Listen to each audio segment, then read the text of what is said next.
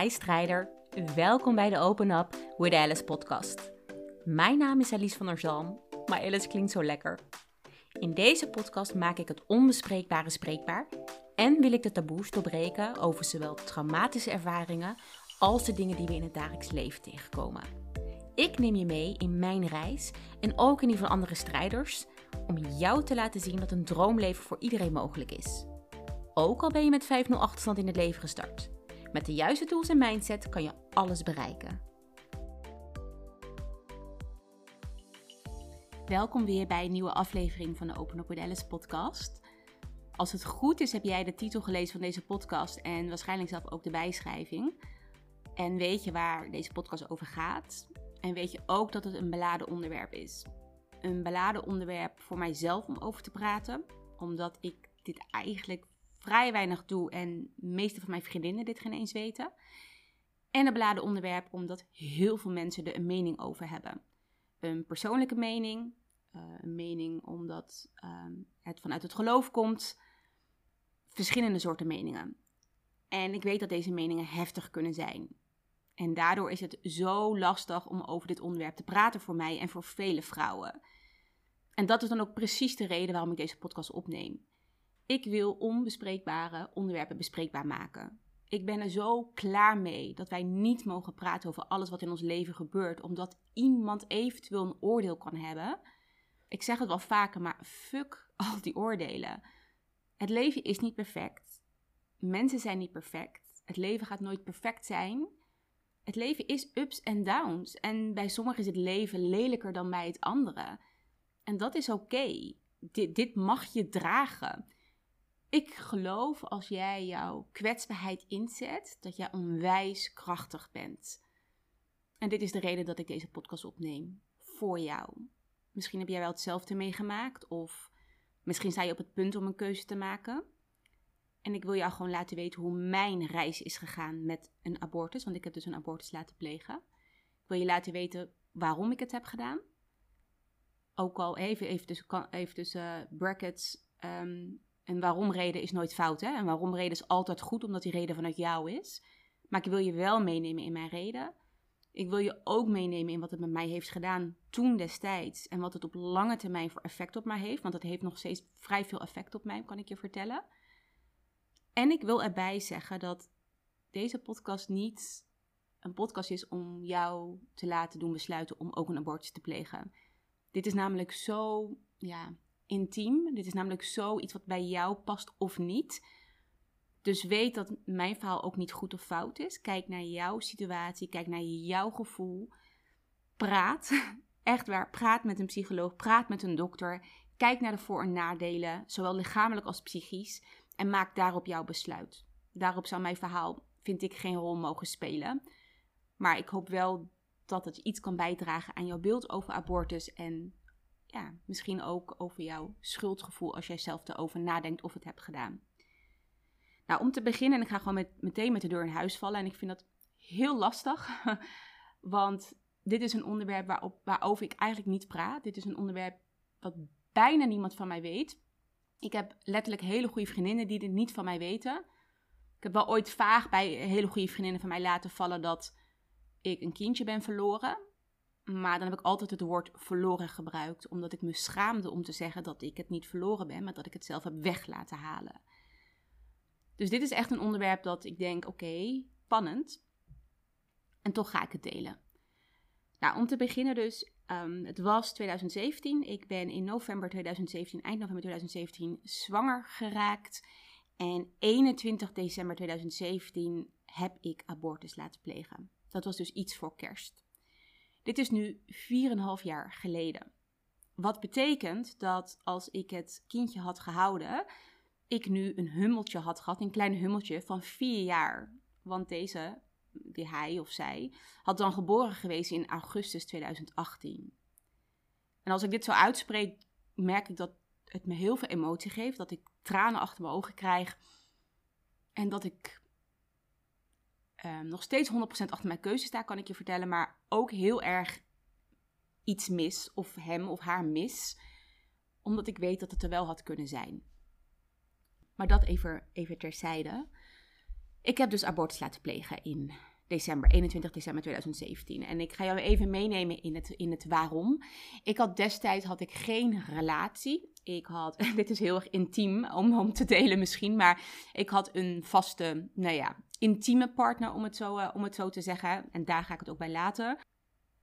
Ik, ik, merk eigenlijk direct als ik dit aan het bespreken ben dat ik je wil vertellen van ja, het was niet mijn schuld, want we hadden, ja, we hadden wel um, protection gebruikt. Hoe zeg je dat in het Nederlands? We waren beschermd tijdens de daad. Um, en toch is het gebeurd. Maar weet je, al, was het, al had ik geen bescherming gebruikt. Ook dat maakt oprecht niet uit om voor jou een keuze te maken om abortus te plegen. Maar om even gewoon terug te gaan naar mijn situatie. Wij hadden dus wel bescherming gebruikt en daar is het fout gegaan. Uiteindelijk um, omdat het dus fout was gegaan tijdens de daad, heb ik ook meteen een abortuspil daarna gehaald. Dus ik dacht, nou, nou ben ik gewoon helemaal, helemaal veilig gesteld. Um, kan niet zwanger zijn. Dus eigenlijk ook totaal niet over nagedacht daarna dat ik dus zwanger was. En ik weet nog dat ik eigenlijk nou, een aantal dagen daarna, of een aantal weken daarna, heel veel buikpijn kreeg. Heel laag in mijn buik, waarvan ik letterlijk niet kon slapen van de pijn. En dat ik niet zo goed snapte van, ja, wat is dat dan? Ben ik dan, moet ik dan ongesteld worden? Of uh, nou, is het iets anders? Ik wist het niet. En dat was, ik weet niet meer of het nou op een vrijdagavond was, maar volgens mij was het op een vrijdagavond uit mijn hoofd. Was een vriendin was bij mij um, komen slapen en we lagen in bed en ik had zoveel pijn en ik zei het tegen haar van, ik heb zoveel pijn in mijn baarmoeder, dit is echt niet oké. dat zij zei, bel het ziekenhuis en vraag het gewoon. Nou, ik kan je vertellen dat ik een hekel heb om het ziekenhuis te bellen, omdat ik denk, ja, als ik hier niet ligt dood te gaan, ja, ik heb er dan gewoon geen zin in om naar het ziekenhuis te gaan. Ik vind het altijd zo overdreven. Dat ik altijd denk van mensen, kom op, hup, gewoon doorzetten, niet zo klagen. Maar um, ik heb toch het ziekenhuis gebeld om uh, de vraag neer te leggen. En ze vertelde me eigenlijk dat ik direct mocht langskomen die, uh, die avond. Dus dat heb ik ook gedaan. Met oprecht niet de weten dat ik zwanger zou kunnen zijn. En nou, ik weet nog dat ik in het ziekenhuis was en dat we hadden gesproken. En dat ze ook een uh, zwangerschapstest heeft afgenomen bij mij. En dat dus de, volgens mij mag ik het dokter noemen, toch? Verpleegkundige, ik heb geen idee. Ik noem het gewoon dokter. En dat de dokter terugkwam en dat ze dus aangaf dat ik zwanger was. Ik kan je vertellen dat mijn wereld op zijn kop stond. Omdat ik dit niet had zien aankomen en omdat ik er zeker niet klaar voor was in mijn leven. En ik weet nog, omdat ik dus zoveel pijn had, ik, ik stelde haar dus ook de vraag: oké, ik ben zwanger, maar hoe kan die pijn dan komen? Dus nou, ze is toen gaan voelen, omdat ze misschien dachten dat het een buitenbaarmoederlijke zwangerschap was. Nou, hoe je het ook uitspreekt, in ieder geval buiten de baarmoeder een zwangerschap. Uh, wat dus niet heel goed is als het kindje daarnaast natuurlijk groeit. En ik hoop dat ik nu een goede uitleg geef. Maar anders snap je wat ik bedoel en daar gaat het om. Ja, dus dat kreeg ik te horen dat was vrij pittig. Ik, ik was gelukkig toen, uh, toen met een vriendin, dus ik was niet alleen. En ik kon destijds ook de, nou ja, niet mijn partner, maar wel mijn, mijn, vaste, mijn vaste ja, persoon kon ik, uh, kon ik bellen. Deze, de vader, ik ga hem de vader noemen, dat vind ik wat netter klinken. Die heb ik toen ook gebeld. Ik had hem al laten weten dat ik naar het ziekenhuis was gegaan, want we hadden wel gewoon, gewoon goed contact met elkaar. Ja, het was lastig, want toen stonden we eigenlijk allebei voor een keuze wat we daarmee zouden willen. En ik weet nog dat ik het heel moeilijk vond. En ik ben even aan het kijken wat ik wel niet wil vertellen, omdat ik het ook respectvol wil houden naar hem daarin. Ik kan je alleen wel vertellen dat op een gegeven moment hè, dat ik de keus moest gaan maken van oké, wat wil ik dan? Dat ik heel erg ben gaan nadenken over een aantal aspecten in mijn leven. Ik ben gaan nadenken eerst, hé, hey, waar sta ik? En dan heb ik het ook even over, uh, nou, hè, qua veiligheid. Nou, veiligheid had ik. Ik had een huis, ik had een baan. Um, ik had wel, ik was dat net in een periode trouwens, dat is niet waar dat ik zeg ik had een baan. Ik zat net in een periode dat ik mijn burn-out had gehad en dat ik ontslag had genomen bij mijn werk. En dat ik in januari een nieuwe baan zou starten. Dus dit was 21 december en de eerste maandag van het nieuwe jaar zou ik starten met een nieuwe baan. Dus dat was voor mij wel een ding. Dat ik dacht, oké, weet je, ik, ik bedoel, ik, ik, heb veiligheid, ik, ik, ik heb een salaris, want ik begin een nieuwe baan. Ik heb een huis, dat heb ik. Maar ik begin wel een nieuwe baan terwijl ik zwanger ben. Oké, nou, dat is één. Nou, toen ging ik verder kijken, de, financiële veiligheid, waar sta ik in mijn leven? Kan je vertellen dat ik toen niet zoveel verdiende? Ik had wel, ik had een fulltime baan net gehad, dat was mijn eerste baan die ik had gehad. En ik zou naar mijn tweede baan gaan. Kan je vertellen dat het gewoon echt een basisinkomen was? Daarnaast dans ik ook wel veel om ook nog extra geld te krijgen om gewoon lekker leuk te kunnen leven en niet alleen maar de basisbehoeften te kunnen voor, in, in te kunnen voorzien. Dus financieel dacht ik, oké, hoe ga ik met zo een hummeltje, een hummeltje, een klein kindje dadelijk, goed voor zorgen? Hoe ga ik die alles kunnen geven wat hij nodig heeft, wat hij of zij nodig heeft?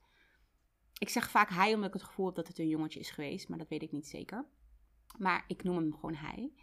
Wat hij nodig heeft. En juist doordat ik ben opgegroeid met wel ouders die het financieel goed hadden, maar psychisch mij niet konden ja, onderhouden, om het zo te zeggen, dacht ik, oké, bij mij gaat het omgekeerd zijn. Ik ga mijn kind alle liefde van de wereld kunnen geven, maar geen opleiding kunnen betalen, weet je, geen goede kleding. Ik woonde in een ehm, sociale huurwoning waar niks mis mee is, maar er was echt geen ruimte voor een kind. Dus dat waren wel dingen waar ik aan dacht van, oké, dat is niet hoe ik, hoe ik het voor me zie om een kind te krijgen. En daarnaast was ik nog verder gaan kijken. Ik was ook gaan kijken naar mijn wens voor een kind. En ik kan je vertellen dat ik eigenlijk vanaf jongs af aan, ik denk echt wel 16 of zo, misschien wel jonger, dat ik wist dat ik een kind wou. Ik weet ook dat met mijn eerste partner, um, dat ik altijd heel graag een kindje wou. Ik, mijn droom was oprecht huismoeder worden en een kind en voor mijn man zorgen. Dat is trouwens ook hoe ik ben opgegroeid. Mijn moeder is huismoeder, dus dat was mijn voorbeeld en dat was ook echt mijn droom. Alleen op de destijds dat ik dus toen zwanger raakte, was mijn leven iets anders. Ik had geen huisvrouw kunnen worden, want ik had geen man. um, en we leven in een ander tijdperk waarbij een vrouw gewoon ook um, bijna moet werken om gewoon goed rond te kunnen komen. Plus, ik vind het ook heel erg leuk om te werken. Dus ja, weet je, daar, daar kijk je dan ook naar. Van oké, wil ik graag moeder worden? Ja, dat wil ik op zich wel. Maar dan ga je kijken naar de partner.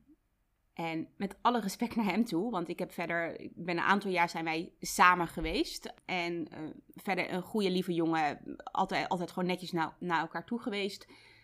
Alleen op dat moment ging ik wel kijken van oké, zou ik willen dat hij de vader van mijn kind wordt? En het klinkt misschien heel hard om te zeggen, maar dat antwoord was eigenlijk keihard nee. Keihard nee. Hij had al een kind bij een andere, andere vrouw en ik zag altijd dat hij super lief met hem omging. En wat hij mij vertelde was altijd super lief hoe hij met haar omging of de relatie tussen hun, daar stond ik niet helemaal achter. En ik heb natuurlijk alleen zijn kant gehoord, hè? dus ik weet haar kant niet. Maar in mijn ogen was dat zeker niet oké. En toen dacht ik: oké, wat nou als ik van hem een kind krijg? Gaan wij dan samen zijn? Gaan we dan in een relatie? Nou, dat was uit zijn kant ook echt een harde nee. Daar had ik nog wel voor opengestaan, om heel eerlijk te zijn. Ik was, ik was best wel gek op hem. Ik was gek op hem, maar ik wist ook donders goed dat dat geen uh, husband material was. Het was zeker geen materiaal om mee te trouwen en om de rest van mijn leven op te bouwen. Ook was het verder gewoon een lieve en een goede jongen. Het was niet mijn. Het, nou. Anyway, het was gewoon niet mijn man om verder mee te leven. Had ik op dat moment zeker wel gewild, want als ik een kind krijg, dan, wil ik, dan gun ik het kind ook gewoon een vader. En omdat hij verder heel lief was, dacht ik, waarom ook niet? Maar vanuit zijn kant was dat zeker geen optie. En daarnaast merkte ik ook heel erg toen ik uh, zwanger was en ik had natuurlijk heel veel pijn en ook heel veel cravings, kan ik je vertellen, in broodjes frikandellen. Wat ik sowieso al heb, maar toen ik zwanger was helemaal. Toen merkte ik dat hij er eigenlijk niet voor mij was. Hij had geen tijd, hij vond het lastig om langs te komen. Ik had destijds ook een kat, nou die mocht ik dan niet verschonen. Nou, dat zou hij zeker niet gaan doen. En toen ik die kleine dingen opmerkte, toen dacht ik, serieus Alice? Dit, dit, gaat jouw leven worden? Jij gaat een kind hebben met een man die elke keer weg is, want hij organiseerde feesten. Dus hij zal lekker weggaan, lekker feesten en dan komt hij thuis uh, om even het kind te zien. Dus even voor de leukigheid en dan gaat hij weer weg. En eigenlijk heb ik dat beeld heel erg voor mezelf afgespeeld. Van is dit het leven wat jij voor jezelf in ogen hebt, maar ook voor jouw kind? En toen dacht ik, nee, dat heb ik zeker niet, uh, zeker niet voor ogen. Kan je ook vertellen, de gesprekken die ik met hem heb gehad, dat die toen ik zwanger waren ook niet leuk waren. En toen opeens zag ik een andere kant van hem. En nog steeds met alle respect naar hem, hè, want uh, hij heeft me nooit verder iets aangedaan. Ik vind op, oprecht een, een, een goede man. Maar de verantwoordelijkheid nemen voordat hij een dame zwanger heeft gemaakt, heeft hij zeker niet op de beste manier aangepakt. En ook daarin ben ik op dit moment heel erg vrij empathisch. Zo van, weet je, hij heeft ook zijn redenen gehad. Hij was waarschijnlijk ook geschrokken. Dus het is, alle, het, is allemaal goed. Dit is oprecht niet een steek naar hem van hij heeft het niet goed aangepakt. Ik denk dat we het beide niet goed hebben aangepakt, om heel eerlijk, uh, om heel eerlijk te zijn. Alleen ik kan je wel dit verhaal vertellen vanuit mijn oogpunt. Hoe ik het heb gevoeld. Wat zijn bedoelingen ook waren. Ik kan je leven vertellen hoe ik het heb gevoeld. En doordat deze gesprekken gewoon niet um, optimaal waren, wist ik eigenlijk al van binnen dat ik het kindje niet wil houden. Nou ja, ik kon dat besluit eigenlijk niet alleen maken, maar ik kon het ook bijna niet delen met mensen, omdat ik me zo schaamde dat ik dit wou doen. Dat ik op een gegeven moment naar mijn psycholoog ben geweest. Mijn psycholoog is officieel echt psycholoog. Maar daarnaast is ze ook ademtherapeut. Dus zij werkt voor zichzelf, uh, omdat zij echt dingen combineert. En ze dat gewoon lekker zelf doet. Ze is ook al wat, wat ouder, maar echt een geweldige vrouw. uh, speciale vrouw ook voor mij in het leven geweest. En ik ben toen ook naar haar geweest voor een sessie om, uh, om te voelen. Om te voelen wat ik nou echt wil, om te voelen wat de juiste keuze is. Om überhaupt te kunnen praten over dit onderwerp. En in deze ademsessie werd al vrij snel duidelijk dat ik het kindje zeker niet wil houden. En omdat ik dat zo goed kon voelen, kon ik ook zo achter mijn beslissing staan. Betekent nog steeds niet dat de beslissing makkelijk was, kan ik je vertellen. Want het moment dat ik dus had besloten, oké, ik ga het kindje weghalen, moet je natuurlijk naar de huisarts. Daar ga je een gesprek aan, daar mag je het nog eens vertellen, daar mag je nog eens over nadenken. Je gaat de abortuskliniek ga je, uh, bellen om een afspraak te maken. Destijds, ik weet niet meer helemaal precies de reden, maar destijds waren er heel veel klinieken dicht of gesloten. Dus er waren er niet zoveel. En er was er eentje wat verder in het land. En toevallig ook in die periode zou ik eigenlijk in Miami hebben gezeten. Ik zou lekker op vakantie zijn geweest. En ik weet nog dat ik toen mijn vriendin in Miami wel op de hoogte heb gebracht en gezegd: Ja, wat moet ik doen? Ik ben zwanger, ik heb heel veel pijn. En uh, hè, ga ik het wel weghalen, niet weghalen? Kom ik wel of niet naar Miami? Nou, dat was ook al heel snel duidelijk, kan ik je vertellen. Van, als zou ik het kind wel houden, ga ik niet naar Miami, want ik heb heel veel pijn. Dus ik wil gewoon hier in Nederland blijven. En als ik het uh, wel laat weghalen, ja, heel eerlijk, ga ik niet feesten in Miami. Dat, uh, dat voelt voor mij niet helemaal oké. Voelt voor mij niet prettig. Dus ja, ook dat ticket laten schieten. Uh, destijds, financieel zat ik niet heel erg, eh, heel erg hoog. Dus dat was voor mij ook wel lastig, want ik kreeg daar geen geld voor terug. Maar ik wist wel, geld is niks vergeleken met mentale gezondheid. Of geld is niks vergeleken met een kind laten weghalen. Sorry, maar al het geld kan mij dan gestolen worden. Dus daarin besloten om een afspraak te maken bij de abortuskliniek. En dat was dus op 21 december 2017. Ik heb toen wel uh, ook een andere vriendin van mij, een hele lieve vriendin, um, op de hoogte gebracht. En daarnaast heb ik in samenspraak met mijn psycholoog, en ik had met haar gesproken van ja, wie kan ik het wel niet vertellen? Ik heb namelijk, ik heb mijn ouders, mijn vader en moeder, en ik heb plakouders. En die noem ik even zo, omdat het geen biologische ouders zijn, maar ik ze wel zo zie en zo voel. En ik heb toen wel een samenspraak met mijn psycholoog mijn plakouders op de hoogte gebracht hierover. En op de dag van de abortus zelf heb ik zowel mijn plakvader als mijn vriendin meegenomen. Dus mijn plakvader heeft toen in de auto gereden, mijn vriendin ging mee voor de emotionele support. En we zijn naar de abortuskliniek uh, gereden om daar de procedure uit, uit te voeren. Misschien wat nog handig is om te weten dat ik tussentijds dus nog heel veel pijn had en ook uh, bij het ziekenhuis ben geweest. En um, dat ze eigenlijk destijds toen ook zeiden van ja, we willen je pijnstilling geven, maar voor het kindje is het niet goed. En ik heb echt tot de dag van de abortus wou ik die pijnstilling ook niet, want wat als ik van gedachten zou veranderen en het niet goed zou zijn voor het kindje. Dus dat was wel echt dat ik dacht, jeetje, als, als dit dan met zeven weken is met deze pijn, respect voor alle vrouwen die het negen maanden volhouden, want echt, het, het, ik kan je vertellen dat het heel intens was. Niet alleen lichamelijk de pijn die ik had, maar ook mentaal. Ik was gewoon zo moe en ik wou alleen maar broodje frikandel eten en ik was emotioneel. Ik was echt, ja, een wrak om het zo te zeggen. Maar ja, om het verhaal verder te vertellen, uh, dus naar de abortuskliniek gereden. Um, daar nogmaals het gesprek gehad, de uitleg gehad. En uh, op een gegeven moment moet je dus dan alleen verder. Dus mijn vriendin en mijn plakvader mochten natuurlijk niet mee. En aan de ene kant logisch, want er liggen andere dames die anoniem daar willen liggen. Maar de andere kant heel pijnlijk, want een van de moeilijkste beslissingen in mijn leven om mijn kindje te laten weghalen, moest ik alleen doen. Eén, wetende dat ik gelukkig een hele lieve vriendin en mijn plakvader had die om de hoek voor me waren. En twee, wetende dat de vader van dit kindje niet wou meegaan, want hij wou geen vrije dag op zijn werk aanvragen. Dus kan je vertellen dat ik dat uh, hem niet meer kwalijk neem, maar dat ik het wel heel pijnlijk vind dat hij uh, mij niet heeft gesteund in dit proces. Dus ja, daar lag ik dan uh, alleen. En ehm, ik merk gewoon dat ik er echt van moet huilen als ik dit vertel. Ik vind het heel lastig, omdat het heel zwaar was. Ik lag daar. En ik weet nog dat ik... Uh, je krijgt eerst iets van een pilletje volgens mij om je baarmoederwand losser te maken. Of, of iets. Uh, oprecht wat ik nu vertel, of dit helemaal zo klopt, uh, medisch gezien, weet ik niet. Dus dat zou je moeten navragen. Ik was zo in de war destijds dat ik wel dingen heb opge opgepakt. Maar het is me zeker niet bijgebleven allemaal. Ik weet alleen dat ik inderdaad zo'n pilletje kreeg en dat even duurde. En dat je dan op een gegeven moment naar de kamer wordt gebracht. En dat je dan een keuze hebt om het ja, gewoon met ja, te, doen dat je erbij bent of dat je een roesje neemt. Nou, één ding wist ik wel. dat werd een roesje. Als ik geen roesje had gehad, geloof me, ik had de kamer bij elkaar gegild en misschien getrapt. Want ik kon het niet aan om, om te zien hoe dat hoe dat gebeurde. Dus ik weet nog dat ik daar lag en dat ik echt moest huilen. En dat ze ook me echt aankeken van, jeetje, wil je dit echt? Ik zeg, ja, ik wil dit. Maar dat betekent niet dat het geen verdriet doet. Dat betekent niet dat het geen pijn doet. Maar ik weet wel dat ik dit wil. Dus met hetzelfde hoe ik nu eigenlijk erbij zit, lag ik op de tafel met tranen, huilend. Wetende dat het kindje weg zou worden gehaald. Wetende dat ik dit wou, maar wetende wel dat het me ook heel veel pijn zou doen. En toen kreeg ik inderdaad een roesje. En ja, dan weet je natuurlijk daarna niks meer. Dus je, je dwarrelt heerlijk weg. En op een gegeven moment word je wakker in bed. En dan lig je daar en dan word je wakker. En dan weet je, ja, het is gebeurd. Volgens mij kreeg ik toen iets van een glaasje limonade om een beetje bij te komen. En de dokter kwam ook even daarna om het potje te laten zien waar het kindje in zat. Ik, ja, ik weet niet of ik het kindje mag noemen. Het was heel echt mini, mini, mini, mini, mini, mini. Wat de ene kant heel prettig was om te zien, omdat ik zag dat het echt nog geen kind was. Ehm, ik denk dat andere mensen, en vooral vanuit het geloof, anders zullen zeggen. En dat is helemaal prima. Uh, maar voor mij voelde het goed, omdat het niet op een kind leek. En het heel mini was. Maar het was ook heel pijnlijk. Want dit, dit was nu realiteit. Dit was de keuze die ik had gemaakt en waar ik achter stond.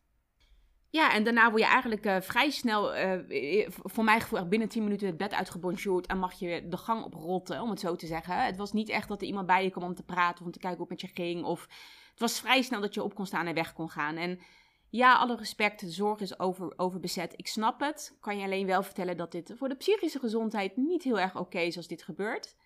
Ik werd zo snel de gang op dat mijn plakvader en mijn vriendinnen allebei nog niet waren. Omdat het langer zou duren, de hele procedure. Dus daar zat ik dan alleen. Dus ik had ze toen wel een berichtje gestuurd dat ik klaar was. En zij natuurlijk in alle haast naar mij toegekomen.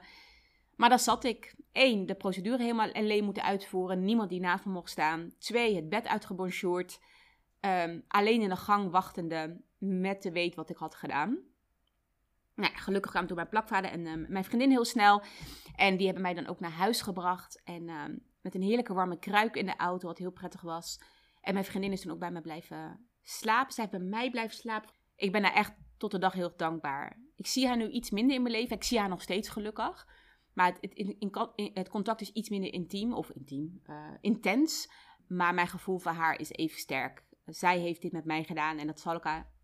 Ik wil zeggen nooit vergeven. Maar ik bedoel, dat zal ik nooit vergeten omdat het heel bijzonder is dat ik dit met haar mocht delen. En dat zij er zo voor me was. En uh, ik weet nog dat we die dag dat ik nou, klaar was van de abortus, dat we Indonesisch hebben gegeten, dat op de bank hebben gelegen, dat ik mocht huilen met, met pijnstilling. Ik mocht huilen, ik mocht lachen, ik, ik mocht alles. Ik mocht gewoon zijn wie ik was bij haar.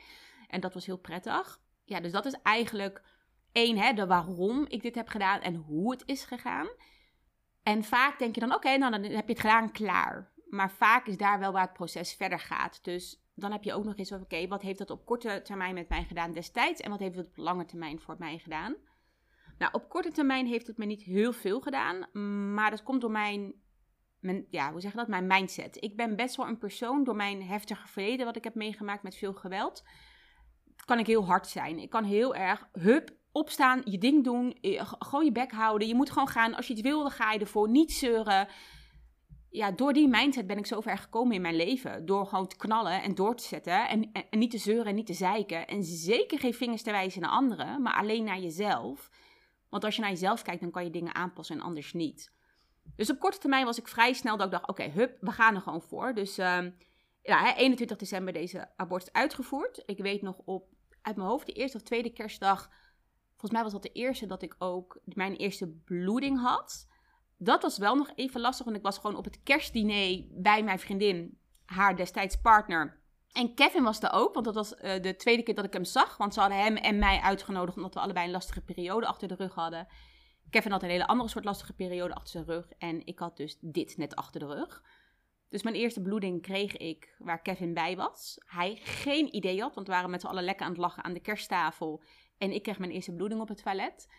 Uh, dat was heel moeilijk. Um, want ja, dat is toch wel de realiteit dat het kindje echt weg is. En het is kerst, dus je hebt ook nog eens naar je zin. Dus dat was voor mij ook heel moeilijk. Het was ook heel bijzonder, juist heel erg bijzonder, omdat ik de dag van vandaag nog met Kevin ben. En hij het toch eigenlijk voor mij was, ook al wist hij het niet. Want die avond hebben we niet over de abortus gesproken, maar we hebben wel andere moeilijke dingen besproken met, met z'n vieren. En het was een, heel, een hele bijzondere avond, een hele intieme, bijzondere avond. En um, ja, dus dat was nog wel even lastig, maar Twee weken daarna moest ik dus mijn baan al beginnen bij mijn nieuwe werkgever. waar ik het niet durfde te vertellen.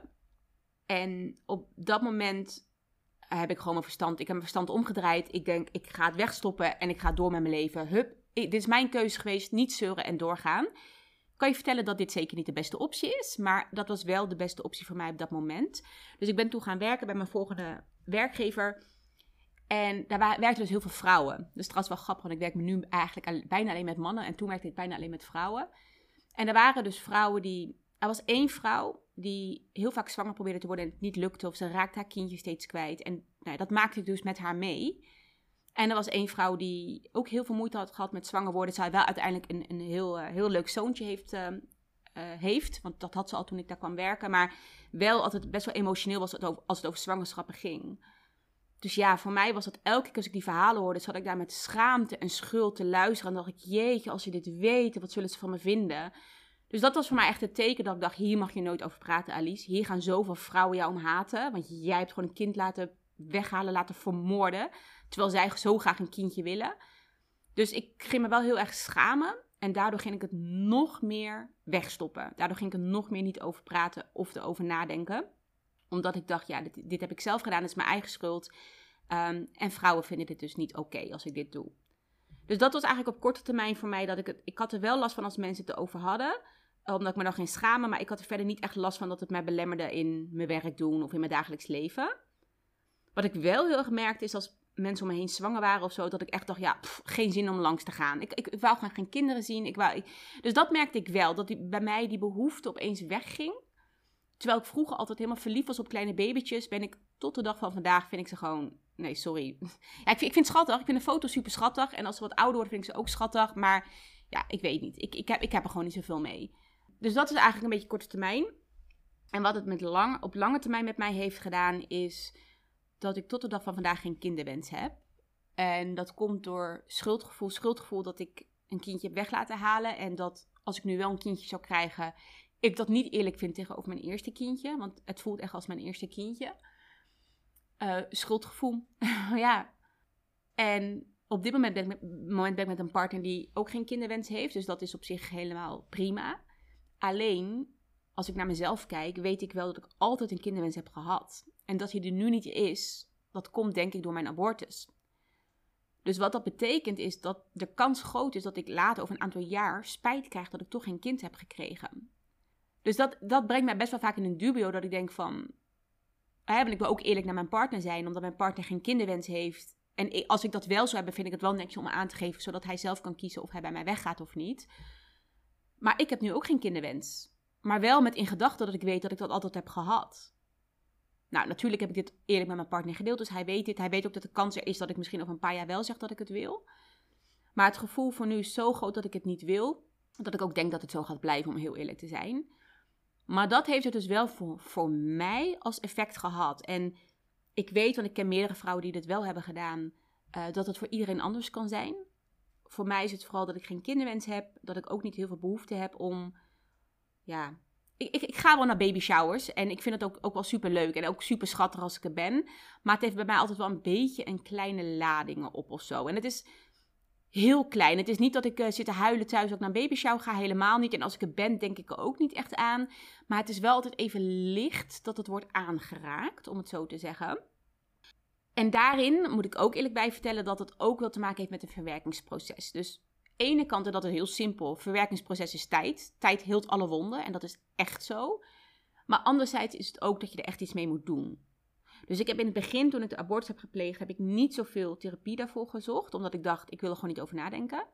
En ik merk eigenlijk dat ik het laatste, laatste jaar, het laatste half jaar, er heel erg veel mee bezig ben geweest.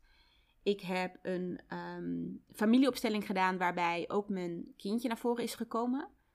Ik heb een ANK-sessie gedaan, een hypnosessie gedaan.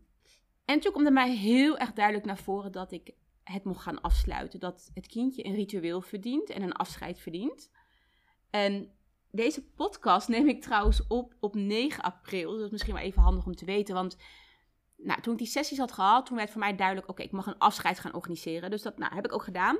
En Volgens mij heb ik twee of drie keer. Nee, volgens mij hebben we twee keer geprobeerd. Ik wou naar het strand om daar een afscheid te doen. Uh, dus ik heb met Kevin dat uh, georganiseerd van we gaan het gewoon samen doen. Ik had toen ook bloemen gekocht. En ehm, volgens mij was het 2 maart op de dag van mijn zus. Mijn zus is op 2 maart overleden. Volgens mij hebben we toen op 2 maart wouden we dat ritueel gaan doen. En ik weet nog dat het zo hard aan het waaien was dat één bloem helemaal kapot aan het gewijd, gewaaien, gewijd was. en de andere bloem was nog wel heel. En we liepen naar het strand en ik keek naar Kevin. Nou, één kan ik je vertellen dat ik niet zo aardig was. Dat ik echt alles heb geprobeerd om ruzie met hem te krijgen, zodat zijn schuld was dat ik geen afscheid kon nemen. Dus Kevin, als je dit luistert, het spijt me. Ik ben een, een trut geweest. Twee, ik, ik heb het ook uitgesproken op een gegeven moment dat ik zei, Kev, eh, met dit weer, het wijdt zo hard. Ik wou die dag namelijk ook echt de zee in en een bloem in de zee leggen, et cetera, et cetera. Nou, het voelde gewoon niet oké. Nou, we hebben toen uiteindelijk wel bij mijn zus nog een bloem neergelegd op haar begraafplaats, maar geen afscheid genomen. En we hebben nog een dag gehad dat ik het ook wou organiseren. En nou, toen heb ik ook uh, ruzie gezocht met Kevin. dus Kevin, nogmaals sorry. was echt mijn schuld, ook al zei ik dat het jouw schuld was. Het was mijn schuld. En ik merkte dat ik er gewoon nog niet klaar voor was om afscheid te nemen. Dus dat heb ik tot de dag van vandaag nog niet gedaan. Het staat wel op de planning. Wat ik wel heb gedaan, omdat het voor mij in de familieopstelling en in de angstsessie heel duidelijk werd dat ik een ritueel mocht verzinnen voor mijn kindje. Voor mij voelde het in de familieopstelling heel erg als een hem. En uh, dit vind ik wel heel erg intiem om te delen, maar ik ga het toch doen. Ik heb altijd twee namen voor kinderen in mijn hoofd gehad. En één naam is Mia, de afkorting van Miami, voor een meisje. En voor een jongen heb ik altijd Noah in mijn hoofd gehad, omdat ik dat gewoon een hele mooie naam vind. En ik weet nog in de familieopstelling dat ik voor de eerste keer mijn kindje heb, heb, een naam heb gegeven. En het voelde dus als een jongetje, dus ik heb hem Noah genoemd. Dus voor mij heeft het nu wel wat meer ja, tastbaar geworden, omdat ik Noah mis, omdat ik Noah heb afgestaan, afgestaan, heb weggehaald. En ik daar nog dus een ritueel voor mag uh, verzinnen en mag gaan uitvoeren. En ik ook weet dat het op mijn tijd mag. Al is het pas over vijf jaar, dat is oké. Ik mag het doen wat voor mij goed voelt. En elke stap na dat ritueel toe is een stap in het afscheidsproces. Zo heb ik bijvoorbeeld van een collega van mij, die heeft hele mooie beelden ik moet het even goed zeggen, want hij verkoopt ze officieel niet zelf, maar via, via mensen die hij kent. En daar zag ik een beeld met een, een, een moederbeeld met een kindje soort van in haar schoot. Um, maar het is een heel, ja, ik vind het echt gewoon een kunstwerk om heel eerlijk te zijn. En ik zag dat beeld, ik had ook nog een ander beeld trouwens in gedachten, dat van moeder, moeder aarde met een zwangere buik. En ik zat te twijfelen tussen die twee. En bij dat beeld van die collega van mij, daar voelde ik echt bij dat ik denk, ja, dat is het beeld wat ik wil hebben wat ik naast, denk ik, de foto van mijn zus wil zetten die overleden is. Of op een mooi kastje wil zetten. Maar dat is het beeld wat ik wil hebben om aan Noah te denken en aan mij te denken. Want ik mag mezelf moeder noemen. En dat is zo raar, omdat ik altijd heb gezegd: ik ben geen moeder, want ik heb geen kind gebaard. En in de familieopstelling kwam zo naar voren: je bent wel een moeder, want je hebt een kind in, jou, in je baarmoeder gehad. En elk kind of elk leven, elk elke jaar spirit, om het zo te zeggen, komt naar deze aarde voor een reden, komt naar deze aarde voor een periode. En voor Noah is dat heel kort geweest. En ik ben ook heel dankbaar dat hij er heel kort is geweest, omdat het heel veel met mij heeft gedaan en nog steeds met mij doet. En omdat ik geloof dat alles in het leven met een reden gebeurt. En daarom weet ik dat hij er ook voor een reden is geweest in mijn leven. En ik hem daar heel erg dankbaar voor ben. En ik nu, dit, nu ik dit zo inspreek naar jou, dat ik denk, Noah verdient ook een ritueel. Dus ik ga zeker weer samen met Kevin kijken hoe ik dat wil vormgeven. Of ik dat met Kevin wil doen, of ik dat alleen wil doen, of ik dat met een vriendin wil doen. Hoe ik het ook wil doen, ik, uh, ik ga afscheid nemen. Want dat, dat heeft hij nooit gekregen en dat, heeft, dat verdient hij wel. Ja, ik ga dat zeker, zeker inplannen. Maar waarom ik dit met jou deel en waarom ik dit zo rauw met jou deel. Want als het goed is, hoor, heb je mijn tranen horen, niet horen vallen, maar mijn tranen horen lopen dit doet nog zoveel met mij dat ik nog steeds moet huilen. Dit doet nog zoveel met mij dat, dat het me nog steeds heel veel emoties kan geven. Dat het me boos kan maken, me verdrietig kan maken. Ik heb het nog niet volledig verwerkt. En dat is het langetermijn effect wat ik bij mij meedraag.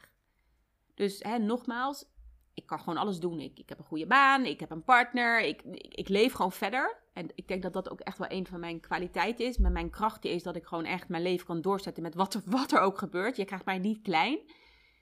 Maar het neemt niet weg dat ik nog steeds wel pijn heb en dat ik rouw om, uh, om iets wat er nooit, uh, nooit zal komen of nooit is geweest. Ik hoop dat deze aflevering jou helpt om je eigen proces een plekje te geven. Of dat deze aflevering jou helpt om misschien jouw vriendin te begrijpen die dit heeft doorstaan. Of misschien ook dat deze aflevering jou mag helpen dat jij minder oordelend kan zijn over vrouwen die dit doen. Weet dat dit proces, en ik mag niet voor alle vrouwen spreken, maar wel voor mijzelf en ik denk voor de meeste vrouwen, dit proces is voor niemand makkelijk. Je gaat niet voor de lol naar een abortuskliniek om een strippenkaart aan te schaffen. Nou, voor mij was het dan eenmalig, maar nog steeds ook niet om een, uh, om een eenmalige ticket aan te schaffen. Je gaat naar een abortuskliniek omdat je juist aan het kindje denkt. Ook aan jezelf, hè? Want als jij jezelf niet op de eerste plek zet, kan je ook niet voor je kind zorgen. Maar je gaat naar zo'n kliniek omdat je weet dat het kind niet het beste leven gaat krijgen. En dat je weet dat het je de rest van je leven gaat bijblijven dat je dit hebt gedaan. Wij vrouwen die een abortus hebben gepleegd, zullen de rest van ons leven getekend zijn dat we dit hebben gedaan. Daarvoor hoeven we jouw oordeel niet ook nog erbij te dragen. Dat oordeel van jou is van jou. Kijk jezelf eens in de spiegel aan en kijk waarom je dat oordeel hebt. Want ook dat oordeel, eigenlijk wil ik zeggen, is ook niet goed of fout. Hè? Het is jouw oordeel en het is daar met een reden. Waarschijnlijk beschermt dit oordeel jou voor een bepaald gevoel wat je niet wil voelen. En dat is ook oké. Hetzelfde dat ik mezelf in de spiegel mag aankijken en oké mag zijn met wat ik voel bij de abortus. Zo mag jij ook jezelf aankijken met wat voor gevoel dan ook. Nou, het is een iets langere aflevering geworden dan ik uh, in gedachten had. Maar ik ben wel heel open en transparant geweest. En ik weet nog niet wanneer ik dit ga plaatsen. Wat ik al zei, ik heb dit 9 april uh, opgenomen. Ik ben benieuwd wanneer die online komt, maar dat ga je dan natuurlijk zelf zien. En 9 april 2022 trouwens. En wanneer ik uh, de ballen bij elkaar verzameld heb, plaats ik deze zeker online om dit met jou te delen. En ik zou het heel fijn vinden als je mij kan laten weten wat deze aflevering met jou heeft gedaan. En ik bedoel, uh, niet als, als jij iets stoms aan deze aflevering vindt, dat hoef ik zeker niet van je te horen. Maar als dit wel jou heeft geholpen, als dit je wel heeft bijgestaan, als het iets in je heeft losgemaakt qua emoties, laat het me weten. Ik stel me namelijk heel kwetsbaar op. Ik vind het heel erg spannend. En ik doe dit niet alleen voor mezelf, maar ik doe dit ook voor jou. Dus ik vind het prettig om te horen wat het met jou doet. Al jouw reacties zijn altijd anoniem. Ik zal nooit iets delen met jouw naam erbij. Uh, ik zal altijd aan je vragen anders of, of het mag ja of nee. Weet dat. Jouw verhaal is veilig bij mij. En ik hoop dat mijn verhaal ook veilig bij jou is. Dankjewel voor het luisteren. Dit is alweer het eind van de podcast. Dankjewel voor het luisteren. Ben jij nieuwsgierig naar meer? Abonneer je dan op mijn podcast en ik zou het super leuk vinden als je me volgt op Instagram. Dit kan onder Open Up with Alice. Voel je vrij om mij hier een berichtje te sturen? Ik hoor namelijk erg graag wat je van deze aflevering vond. En onthoud, mijn verhaal is jouw verhaal en jouw verhaal is ons verhaal.